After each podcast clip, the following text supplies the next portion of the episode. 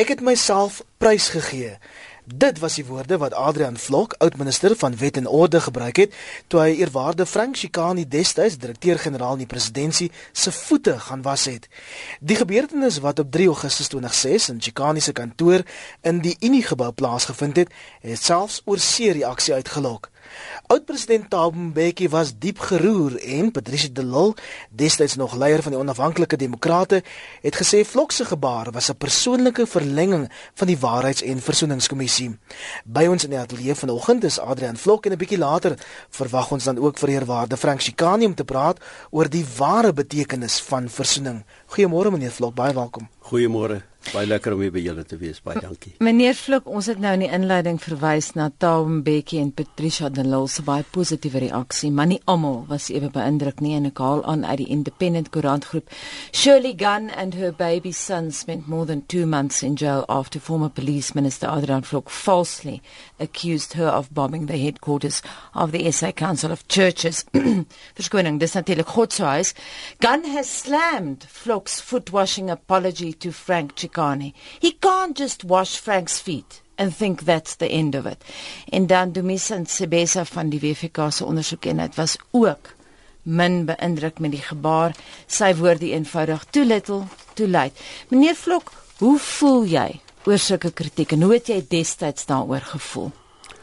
Dit het my destyds 'n bietjie bietjie seer gemaak uh, want ek was ek was in die begin van hierdie situasie en en en, en ek het nie lekker gevoel daaroor nie totdat ek nou regtig gaan sit het en die saak uitgemaak het. En daarna het ek gevoel die die enigste vraag wat ek moet antwoord is dit die regte ding wat ek gedoen het. Die ding waaraan ek glo en ek waarin ek vandag nog glo en ek is vandag oortuig daarvan dit was die regte ding om te doen. Vergifnis en verzoening is 'n persoonlike saak. Dit is nie ek dink nog steeds is nie iets wat aan die groot klok gehang moet word nie. Dit is iets wat jy persoonlik doen man op man. Die woord ek is 'n volgeling van Christus en sy woord sê as jy jou offer na die altaar toe bring en dit jou daar byval dat jou medemens of jou broer iets teen jou het gaan los jou offer en gaan maak vrede met hom. So jy moet gaan en jy moet gaan vrede maak. So dit is wat my betref dit soos ek ook na Frank toe gegaan het om 'n persoonlike ding met hom te gaan Ek het hom persoonlik seer gemaak. Jo, ons het hom so seer gemaak en ons het dank die Here vandag nog laat hy lewe en ek wou dit gaan regmaak met hom. En dit is maklik om om te sê ek is jammer alhoewel ek daarmee ook gesukkel het want ek het nie so groot geword nie. Maar vir hom te sê ek is jammer, maar ek wou graag iets bysit. Ek wou wys, ek wou demonstreer dat ek bereid is om af te klim van my uh, high horse, van my trots om myself prys te gee en om dan vir hom bereidheid te vertoon dat ek bereid is om hom te dien. Meneer Vlok, wat bedoel jy by ek het nie so groot geword nie? Wel, ek het in 'n huis groot geword waar ons nog gesê het ek hou van 'n man wat sy man kan staan. En ek hou van 'n arm wat 'n slag kan slaan. En ek hou van 'n oog wat nie wyk wat 'n bars kan kyk en 'n wil wat so vas soos 'n klipsteen staan. Daar's niks verkeerd mee nie, maar dit moet vir die regte dinge wees dit moenie wees vir verkeerde goed nie. En ek was ek het so gestaan oor apartheid. Apartheid wat mense verskriklik seer gemaak het. Meneer Vlok, is daar spesifieke voorvalle, insidente waaroor jy spyt is? Ek is spyt vir die goed wat ek aan mense gedoen het. Ek Soos wat? Ek het in my tyd het ek daarom baie mense toegesluit, jong, jy weet ek het mense hulle vryhede ontneem. Ouens wat met my wou praat het ek gesê nee, ek praat nie met julle nie. Jy's 'n kommunis, ek praat nie met jou nie. Jy gaan net moeilikheid maak. Ek gaan jou nie loslaat nie. Jy moet sit. Ek ek het 'n harde houding gehad teenoor mense. En daaroor is ek regtig vandag jammer. Hoe het dit verander? Dit het nadat ek op my uh, knieë voor Frank Sikani gestaan het. Wit man wat so agtergrond het voor 'n swart man wat my vyand was. Gestaan het en in sy oë gekyk het. En hom gesê ek is jammer. Vergewe my asseblief en laat my toe om jou voete te was om te demonstreer dat ek bereid is om om alles oorboord te gooi en om nou te sê ek is bereid om voor jou op my knieë te staan. En tweedens omdat volgens Johannes 13 ek het hom lief gehad en ek het hom lief gekry, maar dit het my hele siening van mense verander. Ek kyk vandag anders sedert daai dag. Kyk ek deur ander oë na mense. Ek is vandag nog ek hou nog nie van die goed wat mense doen nie. Hulle doen nog verkeerde goed. Maar die mens sien ek in 'n ander lig. Ek hou van die mense. Meneer Vlok, jy sê jy is deur die Heilige Gees gelei. Hoe het dit gebeur? Wat was die proses wat in jou hart of in jou kop plaasgevind het? Dit was 'n proses. Dit was nie 'n uh, uh, Damaskus ervaring soos met Paulus nie. Dit was 'n proses wat gekom het oor 'n oor 'n geruime tyd en dit het beginne toe my eerste vrou haar eie lewe geneem het op 28 Julie 1990. En daarna moes ek toe besluit gaan ek 'n uh, aansoek doen vir amnestie vir goed wat ek verkeerd gedoen het. En wie ek het ek het wyd geraadpleeg. Ek het oud kollegas gevra. Ek het oral navrae gedoen. Wat sê julle moet ek doen? En uh, die antwoord wat ek gekry het in 90% was gewees: "Nee. Jy het net jou werk gedoen. Moenie gaan skuldig pleit in jou in die, in, in in vertel wat jy gedoen het nie. Dan pleit jy skuldig. En en jy het mos net jou werk gedoen." Weet jy daar's 'n daar's 'n groot Afrikaanse koerant wat 'n opname daaroor gemaak het. En 87% van die lesers van die koerant het gesê nee, vlok moenie aansoek doen vir amnestie nie. Maar toe lees ek die die woord. En toe lees ek Matteus 5 vers 23 en 24 wat sê as jy jou offer na die altaar toe bring en dit jou daar byval dat jou medemens, daar staan 'n broer en kan net sowel suster wees, iets teen jou het, los jou offer en gemaak eers vrede en en rekonsilieer eers met jou broer en jou suster. En toe doen ek dit. En toe kry ek nog amnestie ook. Maar toe moet ek by die amnestie komitee moet jy die waarheid praat. Jy moet skuld erken. Jy moet vertel wat het jy gedoen? En ek het dit gedoen. En die mense het dit aanvaar en ek het amnestie gekry. Meneer Vlok, daai voete was oomblik met Frank Chikani was vir jou so groot dat jy vanoggend die skotteltjie saamgebring het na die monitor ateljee. Dit lyk my Frank Chikani het maar klein voete want dit is 'n klein skottel. Ons sal nou sien as hy aankom. wat is die wat is die simboliek vir jou daaraan verbonde? Die simboliek is is in in en ek het 'n ek het 'n boekie gekoop uh, in hierdie proses wat ek toe nou ontwikkel het. Het ek 'n het ek eers 'n artikel gelees oor 'n vegvlieënier wat sy huishulp se voete gewas het as gevolg van sy gewete wat hom gedryf het. Hy, hy wou gesê ek is jammer. Toe koop ek 'n boekie wat wat met die titel van Saam met Petrus op pad. En daar word die word die word die implik die betekenis van voete was verduidelik deur deur hierdie skrywer waar hy sê jy stel jouself diensbaar. Jy jy hy sê nou nie jy verneder jouself nie, maar jy jy jy's bereid om om om op jou knieë te gaan voor mense in vir hulle te sê ek is jammer en ek wil nie net woorde gebruik nie. Ek wil iets ook doen. So dit beteken vir my, het dit beteken ek sit my trots nou agter my. Ek is nie meer trots op al die goedes waarop ek trots was nie. Dit het weggevat my my my meerderwaardige houding wat ek oor mense gehad het. Dit het weggevat dat ek dink ek is beter as ander mense. Hmm. En dit het dit het in hierdie proses het dit heeltemal verdwyn. Hmm. So vandag vandag is is is is is ek jong ek is ek is 'n ek is 'n gewone mens ek is eintlik nog meer as 'n gewone mens al die mense rondom my mense wat ek sien is vir my belangrik want ek dink die mense die is vir die skepper wat ons almal geskep het belangrik en wie's ek nou om te dink ek is beter as ander skepsel wat deur 'n almagtige skepper geskape is Maar weer eens wil ek terugkom na die kritiek toe en jou persoonlike reaksie daarop.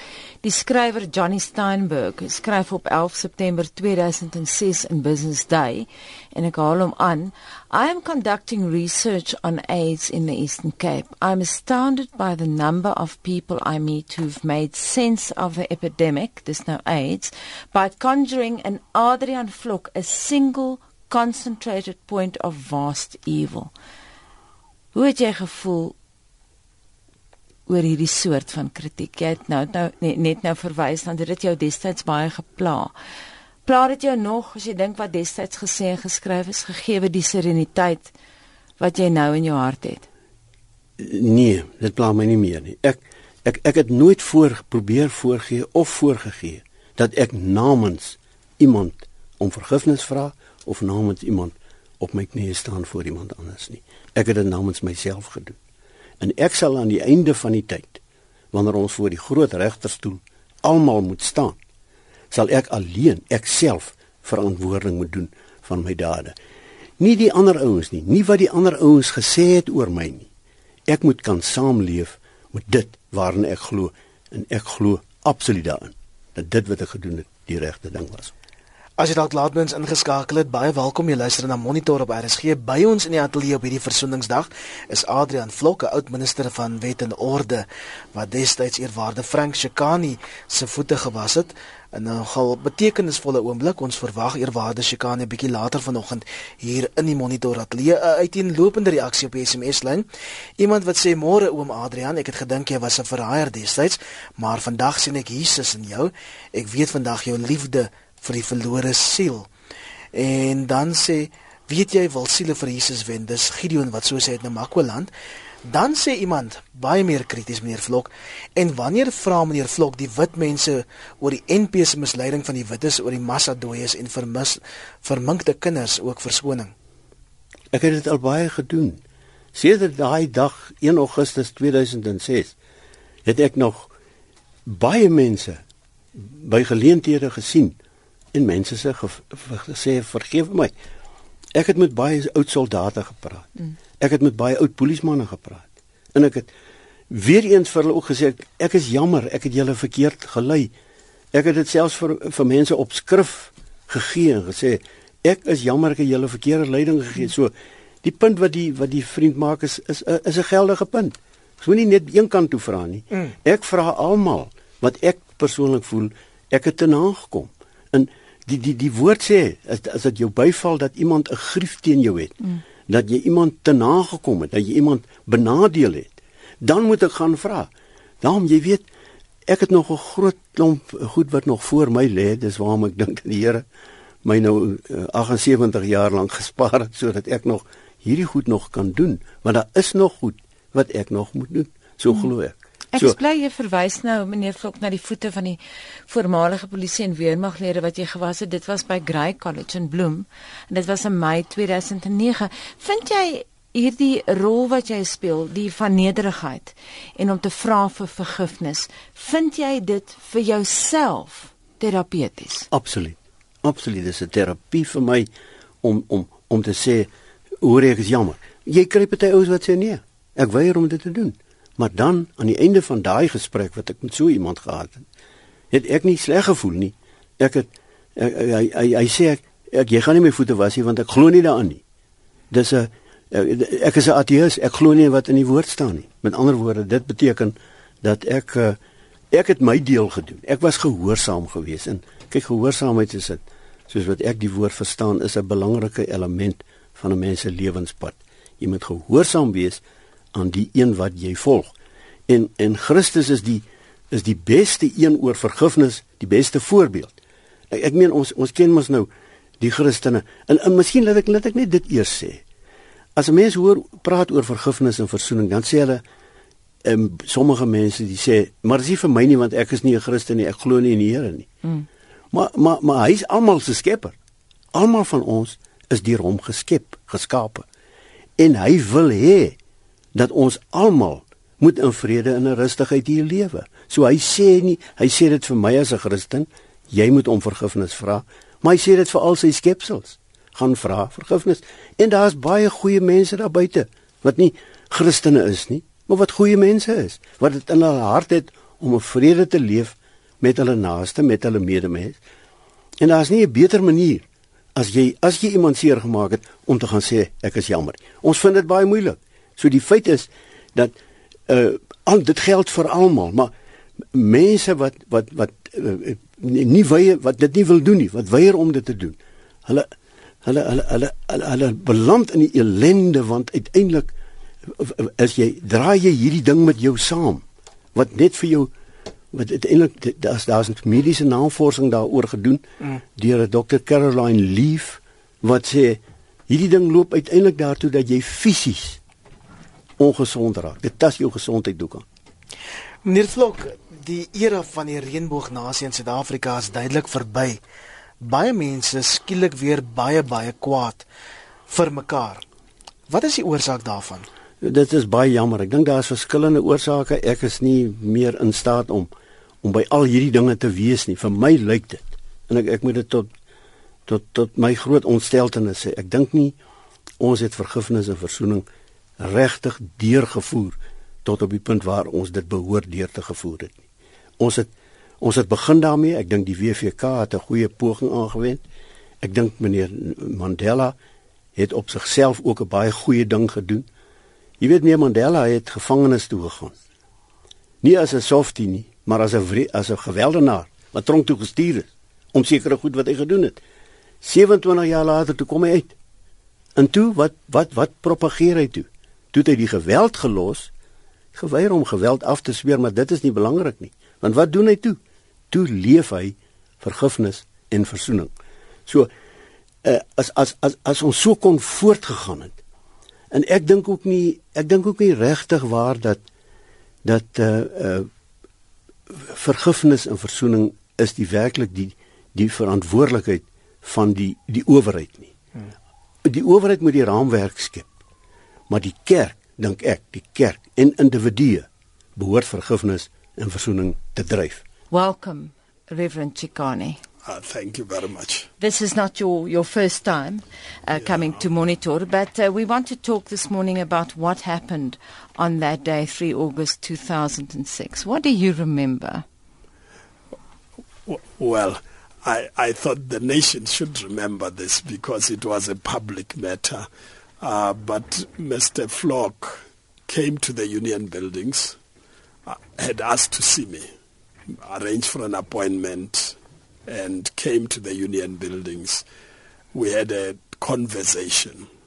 And he then said to me, I mean, after the confessional stuff, and he had a New Testament Bible, a Bible, where he had the confession written in, in by hand to ask for forgiveness about what has happened and asked to wash my feet. But before he did that, he asked for water. And I thought he was just dry and he wanted to drink the water. And he put a glass of water in front of him, didn't drink the water. And then he asked to wash my feet. And I then said to him, You don't need to do that. I believe you. I accept the apology. Um, and I have forgiven those who did all these things to me long time ago because I declared that I forgive everybody for, for my sake, you know, for your own health for for your own you need to get rid of bitterness and anger and go on with life rather than be a prisoner of the past. So I declared I've forgiven everybody. So when he came, I said, you know, the forgiveness has been given already. You don't need to wash my feet. And then he said to me, well, can you allow me to do it for my sake? Uh, not for you. And, and that's at that point when I realized, well, it's not about me um, it's about him and what he believes he needs to do. And, and it's not an easy thing to take out your shoes uh, in the director general's office in the union buildings, you know.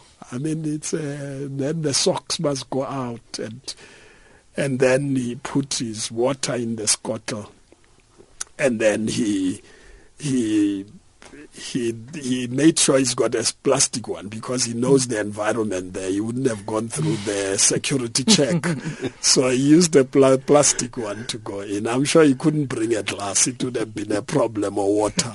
Maybe um, we should just quickly tell listeners, yeah. Reverend, uh, yeah. that he's got that very same. Die yeah. plastic bak is hier by ons met die handdoeke. Ek weet nie of die handdoeke dieselfde is. Yeah, and the, and the towel as well. The towels, and they're the same towels you used yes, to dry your feet. Yeah, so he washed my feet. I was worried about the secretaries coming in and finding this thing happening in my office. I mean, it's it's a strange thing to to Re- allow to happen. Reverend Shikani, a little bird whispered in my ear that Mr. Flock was late on that day, a little yeah. bit late, and you were quite irritated at first. Well, initially, not irritated really. It's just because appointments get packed up. You know what I'm talking about. So I was worried that would not have enough time. But he didn't need too much time because mm. it wasn't about talking. It was about washing my feet, and that was it. Did you speak about the actual incidents? Did you talk about what actually happened and the fact that uh, miskien moet ek hierdie vraag aan aan jou vra meneer Vlok het julle gepraat oor die insidente om om eerwaarde Chikane te probeer vergiftig Ja, ons ons het nie veel daaroor gepraat nie, maar ek ek ek, ek herinner my dat ek eers vir hom die Bybel gegee het en gesê het, uh, Reverend Frank, will you please forgive me? I've sinned against the Lord and against you. Please forgive me. And I read uh, the inscription and then he said, "Okay, ek sal jou vergewe." And then the interview was over.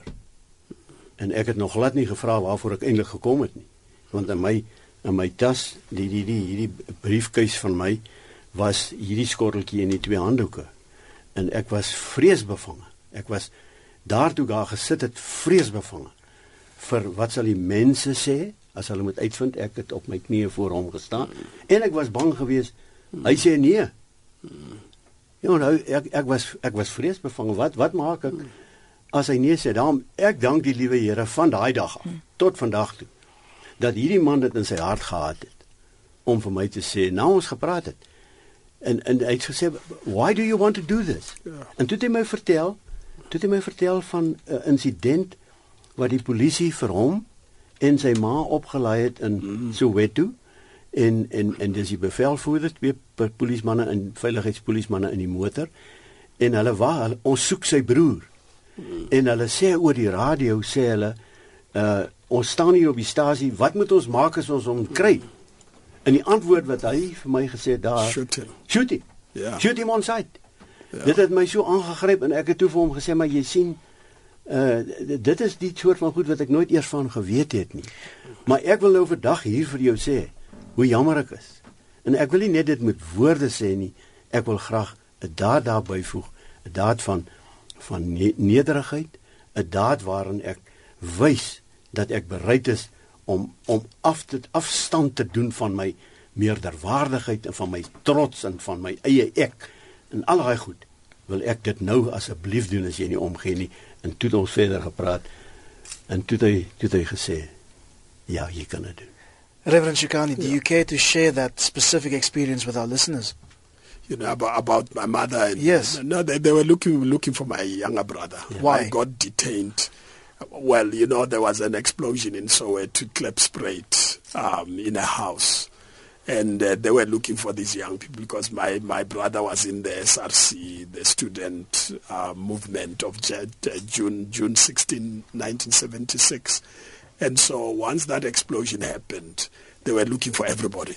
And my brother and some of the members of the congregations were on the line and they detained every young person in that congregation and tortured them. Um, some of them were put under electric shocks. Rebecca um, uh, Ranotto was subjected to electric shocks at 15 years. He was, she was 15 years old. Um, and so when they couldn't find them, they detained me and thought I would produce them. And I couldn't because these young people are everywhere.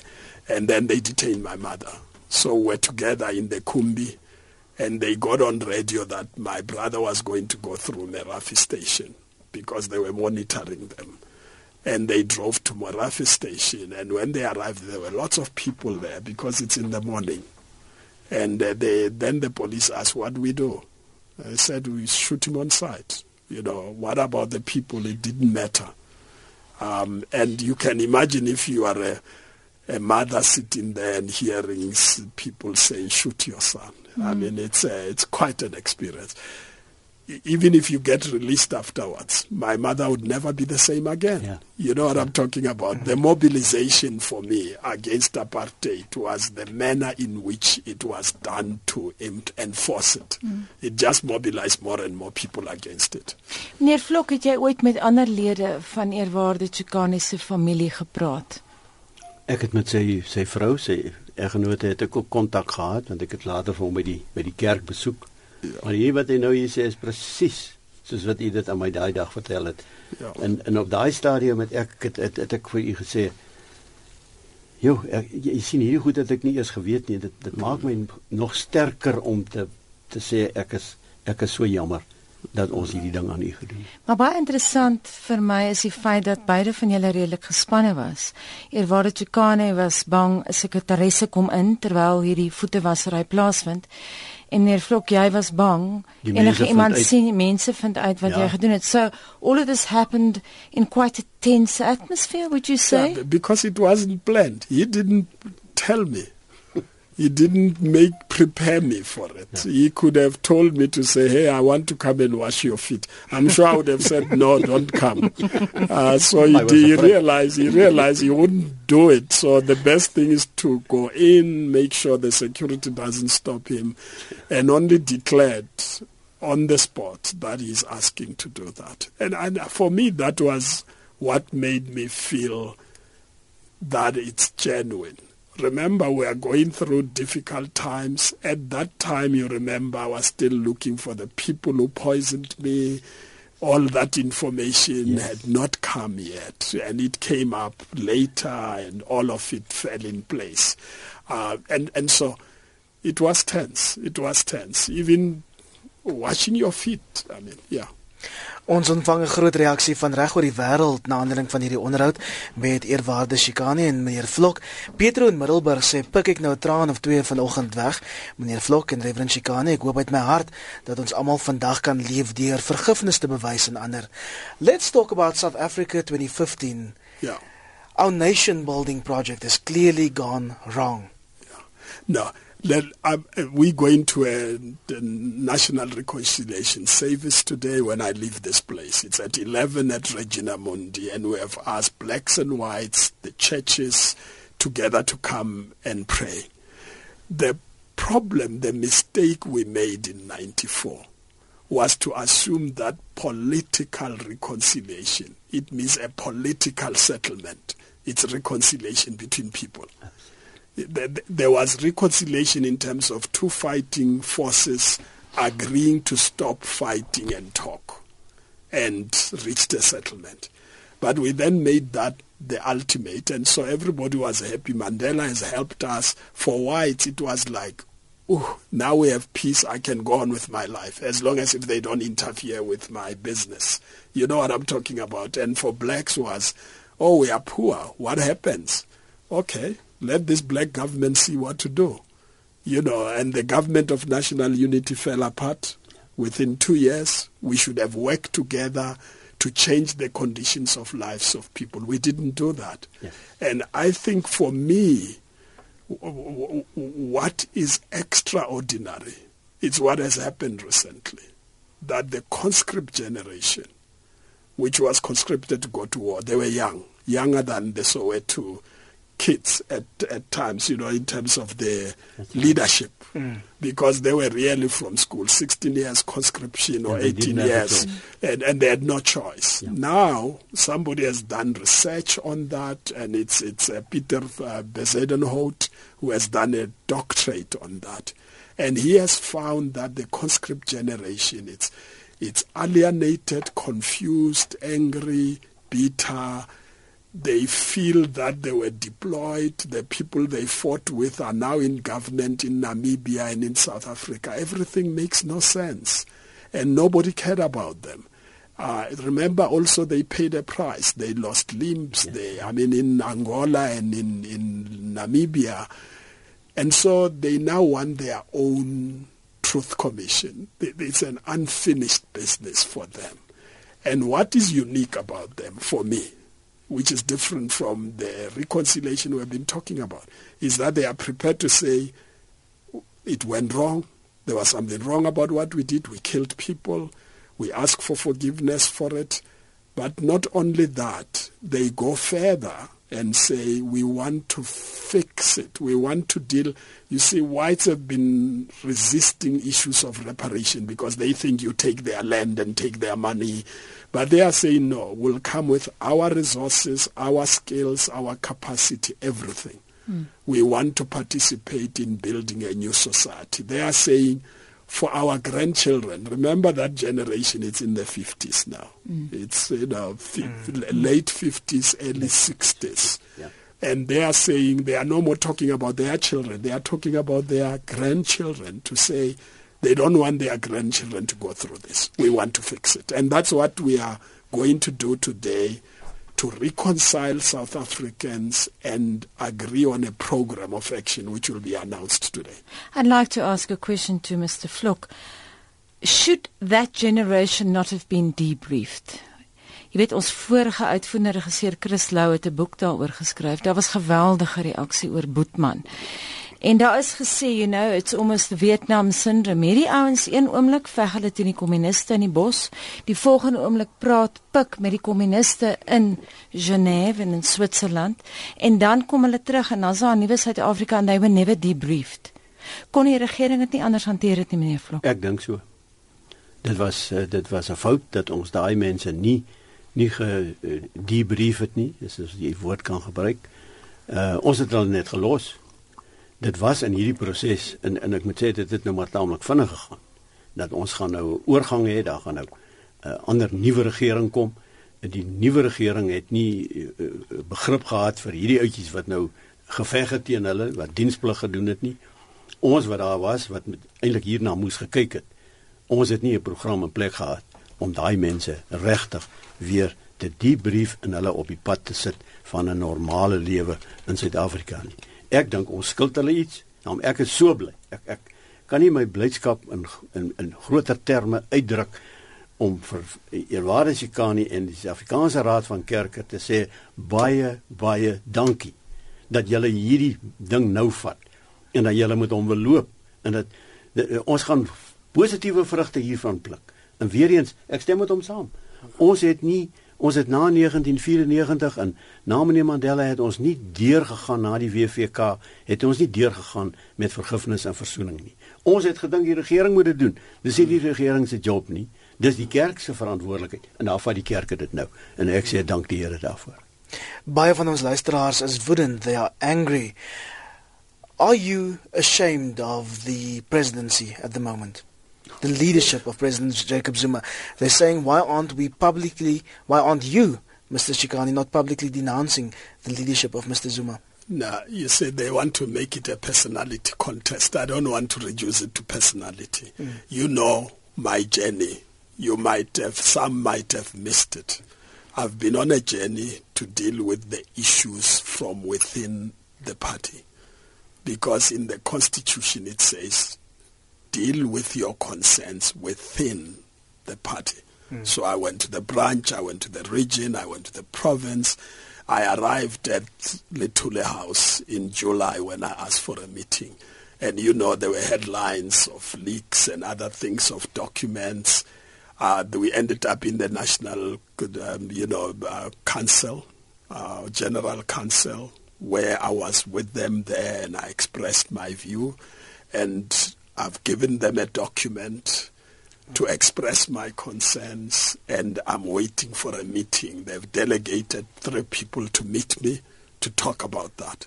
So I'm not a rabble rouser. I'm, I believe in finding solutions. And, and so I'm not going to stand in the, you know, top uh, hilltops and make a statement. You know, when you make a statement, it gets discounted in economic terms you're finished, you can't do anything, you've made the statement. I want to, to solve the problem, and we're going to change it.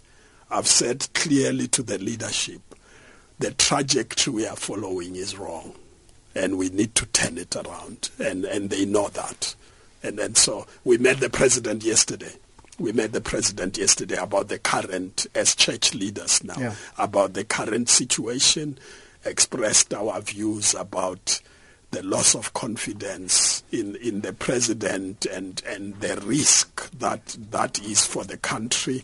And we agreed to find solutions. I just want to go back to 3 August 2006. Mr. Flock told us before he came into the studio that his feelings about you were feelings of love. Dis wat hy voel teenoor jou. Hy voel liefde in sy hart vir jou. Yeah. How do you feel about him? You know, I've gone past. Actually, I'm surprised why you brought us here together. we went past this story long time ago. We forgave each other. We addressed meetings together. I don't have a. And remember, I forgave him before he asked for forgiveness. And and so I'm not a person who holds on people and you know bitterness and anger destroys you, not the person you are angry about. So you so friends that, today? Oh yeah, no no no. I mean He's my brother. Yeah, yeah. Die tyd is besig om ons in te haal meneer Vlok, maar daar's 'n luisteraar wat vanoggend baie graag van u wil hoor. Sy naam is Loot van Skalkwyk. Hy sê Meneer, u het my vader amnestie geweier, Dr. Loot van Skalkwyk, terwyl u sy mede aangehoudenis vrygelaat het. Nooit het u jammer gesê nie. My vader was 'n politieke gevangene. Jy het amnestie geweier. My vader is in die gevangenis oorlede. Jou boodskap vir Loot van Skalkwyk, onthou jy dit? Ek kan dit glad nie onthou nie en ek is verskriklik jammer om dit te hoor. Ek sal verskriklik bly wees as ek uh, kan kontak uh, maak. Kontak maak met met met meneer Loot van Skalkwyk om vir my uh, besonderhede te gee. Ek sal graag met hom persoonlik wil kontak maak asseblief as ek kan deur 'n ja. manier met hom uitkom. Ons organiseer agter agter die skerms. Dit dan vanoggend uh, Adrian Vlok en Frank Chikani, ons het met hulle gepraat oor versoening.